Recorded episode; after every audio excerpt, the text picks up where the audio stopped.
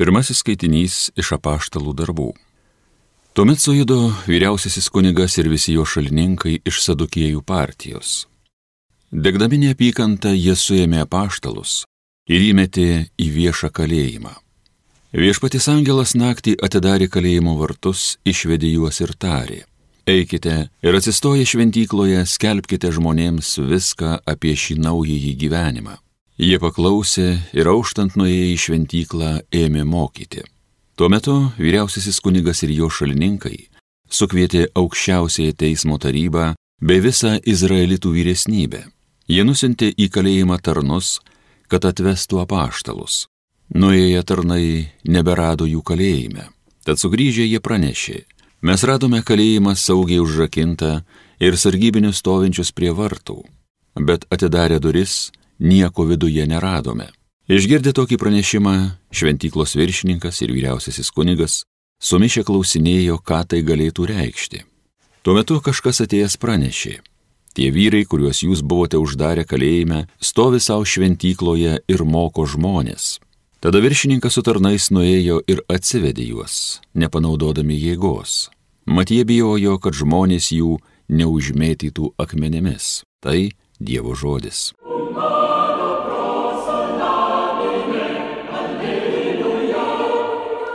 Štai vargšas šaukės ir viešpats išgirdo. Aš visuomet viešpatį gerbsiu, mano burna šlovins jį nuolat, tuo mano siela didžiuojas, tegu nuskriaustieji tai girdi ir džiaugias.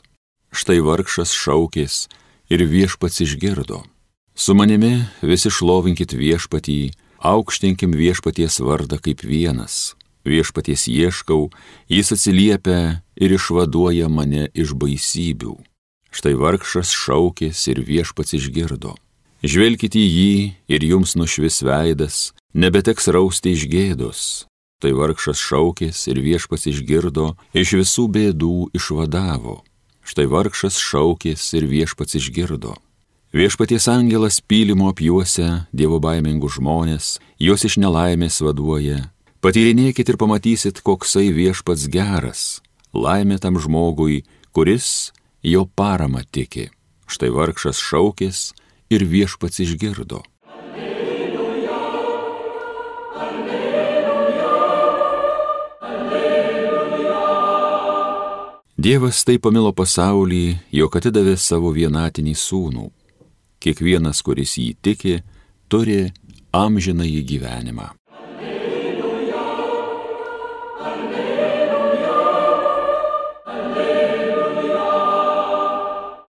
Pasiklausykime Šventojios Evangelijos pagal Joną. Jėzus kalbėjo Nikodemui. Dievas taip pamilo pasaulį, jog atidavė savo vienatinį sūnų, kad kiekvienas, kuris jį tiki, nepražūtų, bet turėtų amžiną jį gyvenimą.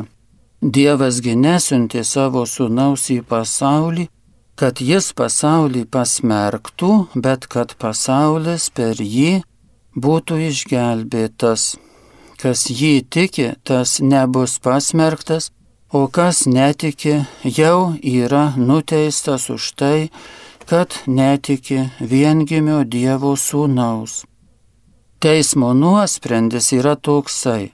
Atėjo šviesa į pasaulį, bet žmonės labiau mylėjo tamsą nei šviesą, nes jų darbai buvo pikti Kiekvienas nedorėlis neapkenčia šviesos ir neina į šviesą, kad jo darbai aikštėn neišeitų. O kas vykdo tiesą, tas eina į šviesą, kad išryškėtų, jog jo darbai atlikti Dieve.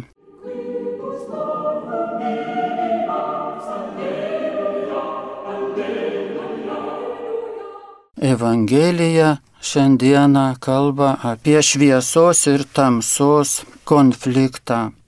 Štai nuaidėjo katalikų, o po to ir stačiatikių ortodoksų Velykų šventės. Patriarchas Kirilas dar kartą palaiminęs ukrainiečių žudymą, Ukrainos griovimą, nuėjo laikyti Velyknakčio liturgijos, kaip jie ją vadina, dieviškosios liturgijos. Ir joje garbingoje vietoje stovėjo Putinas su žvakute rankoje, pamaldžiai labai turbūt nusiteikęs. Prieš tai irgi davęs įsakymą per Velykas, rusų Velykas, stačiatikių ir ukrainiečių Velykas, suintensyvinti atakas. Ir tuomet nuėjo į Velyknakčio liturgiją. Štai toks groteskiškas turbūt vaizdas mūsų akims ten Maskvoje, bet mūsų taip pat tėvinėje Lietuvoje, Vilniuje, štai koks įdomus tasai labai vertas atkreipti mums visiems dėmesį įvykis, kai metropolitas Inokentijus, nu, grupę kunigų išvarė, varo iš stačiatikių ortodoksų bažnyčios. Ir kodėl tie kunigai varomi iš bažnyčios? Dėl to, kad jie kalba tiesą. Ir čia matome tiesos ir melo konfliktą. Kunigai, kurie yra sąžiningi ir tiesa kalbiai, jie nereikalingi metropolitui Inokentijui ir jo padėjėjams, Jie patys melagiai ir patriarcho Kirilo linijos ir Putino linijos rėmėjai, jie nori atstovauti bažnyčią, jie nori reprezentuoti stačiatikybę, jie nori reprezentuoti krikščionybę. Melagiai, kurie meluoja ir ne tik apie karą Ukrainoje, bet sakykime, metropolitas dabar meluodamas šmeižia tuos kunigus, kuriuos jis pats išvarė, kad jie esą schizmą ar kažką kūrė ten jo bažnyčioje. Visa tai yra melas ir tai labai, labai natūralu, natūrali laikysena, nes jo laikysena yra melagio laikysena. Ir dabar šitas demaršas, sakytume, išvaryti sąžiningus kunigus, kad jūsų, jūsų sąžiningų, teisingų žmonių bažnyčiai nereikia, parodo, kas yra jis pats. Taigi, jo darbai parodo, kad jis yra Kremliaus statytinis. Reikia pavadinti daiktus žmonės tikraisiais jų vardais. Inokentijaus misija pašalinti iš Lietuvos stačiatikių bažnyčios sąžiningus kunigus. Kunigus, kurie kalba tiesą. Ir tą jis misiją yra gavęs, nesunku suprasti, per Kirilą iš paties Kremliaus. Nes kaip iš čia atsirado šitas metropolitas vadinamas Jis atsirado taip, kad jį atsiuntė patriarchas Kirilas, apie kurį jau dabar mes turime ganėtinai aiškę poziciją, kas jis per paukštis yra. Taigi ir mūsų Vilniaus ortodoksų metropolito pozicija atrodo, kad yra užduotis ir misija būdėti, kad stačiatikių bažnyčia būtų Putino politikos rėmėja.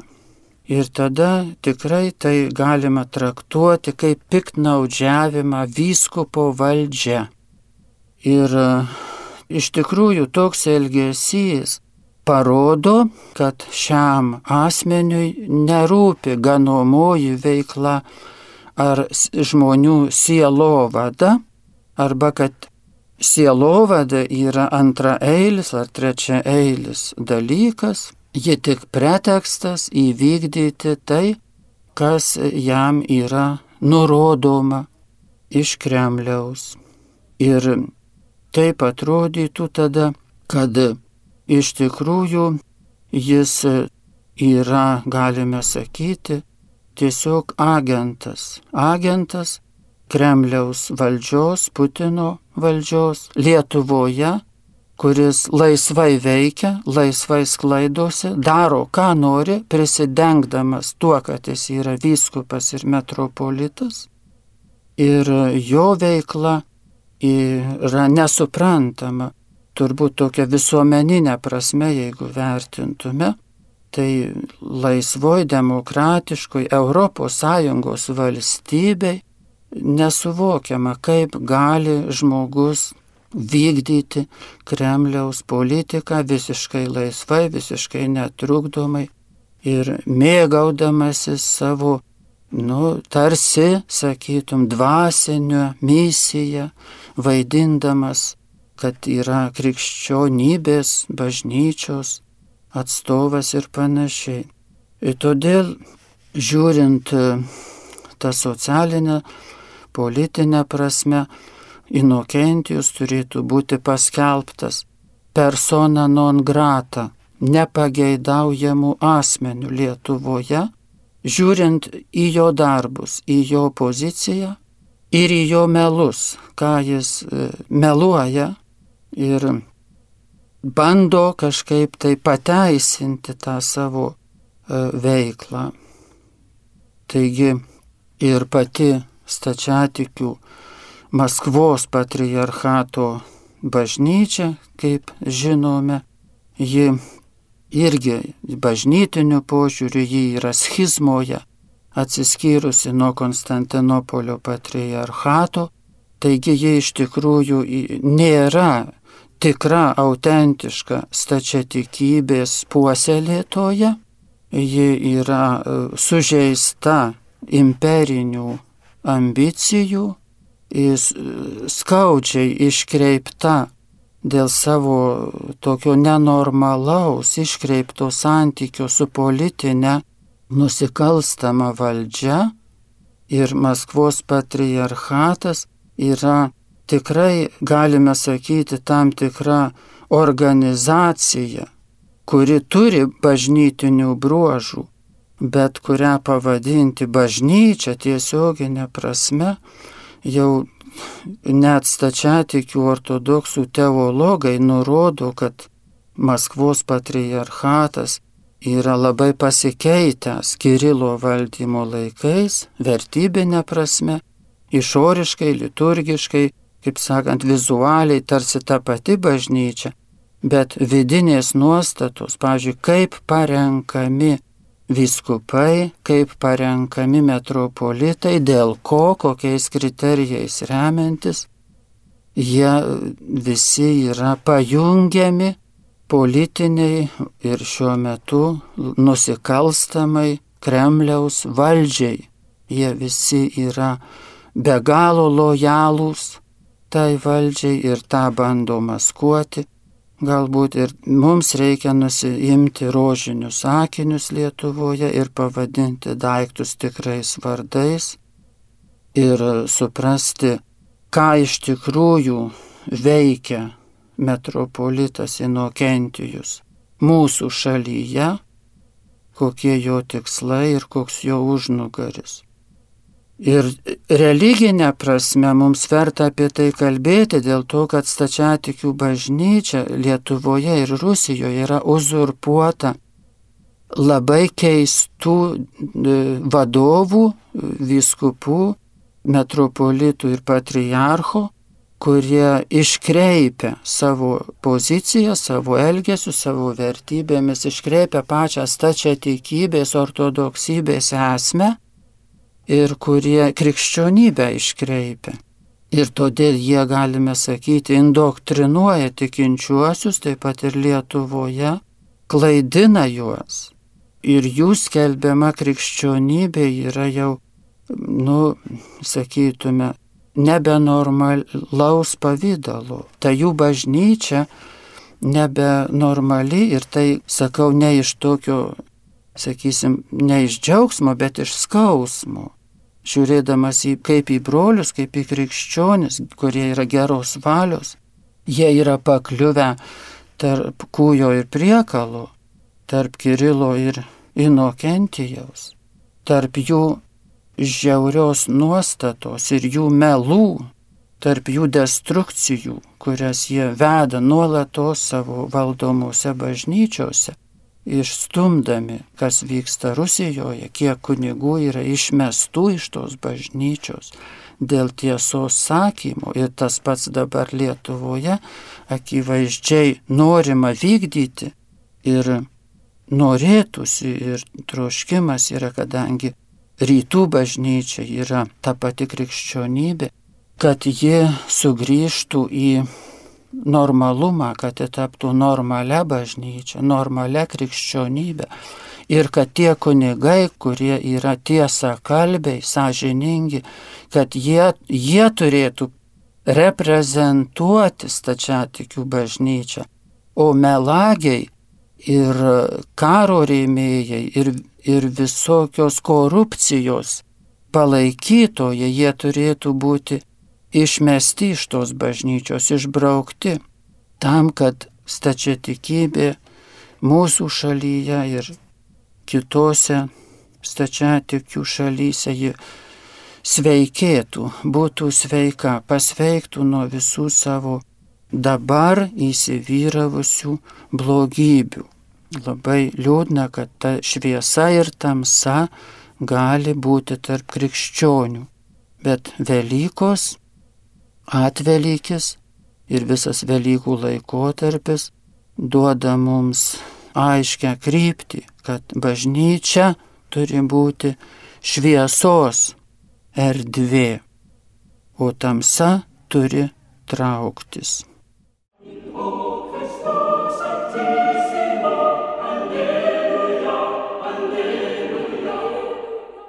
Homilija sakė profesorius, habilituotas teologijos mokslų daktaras kunigas Romualdas Dulskis.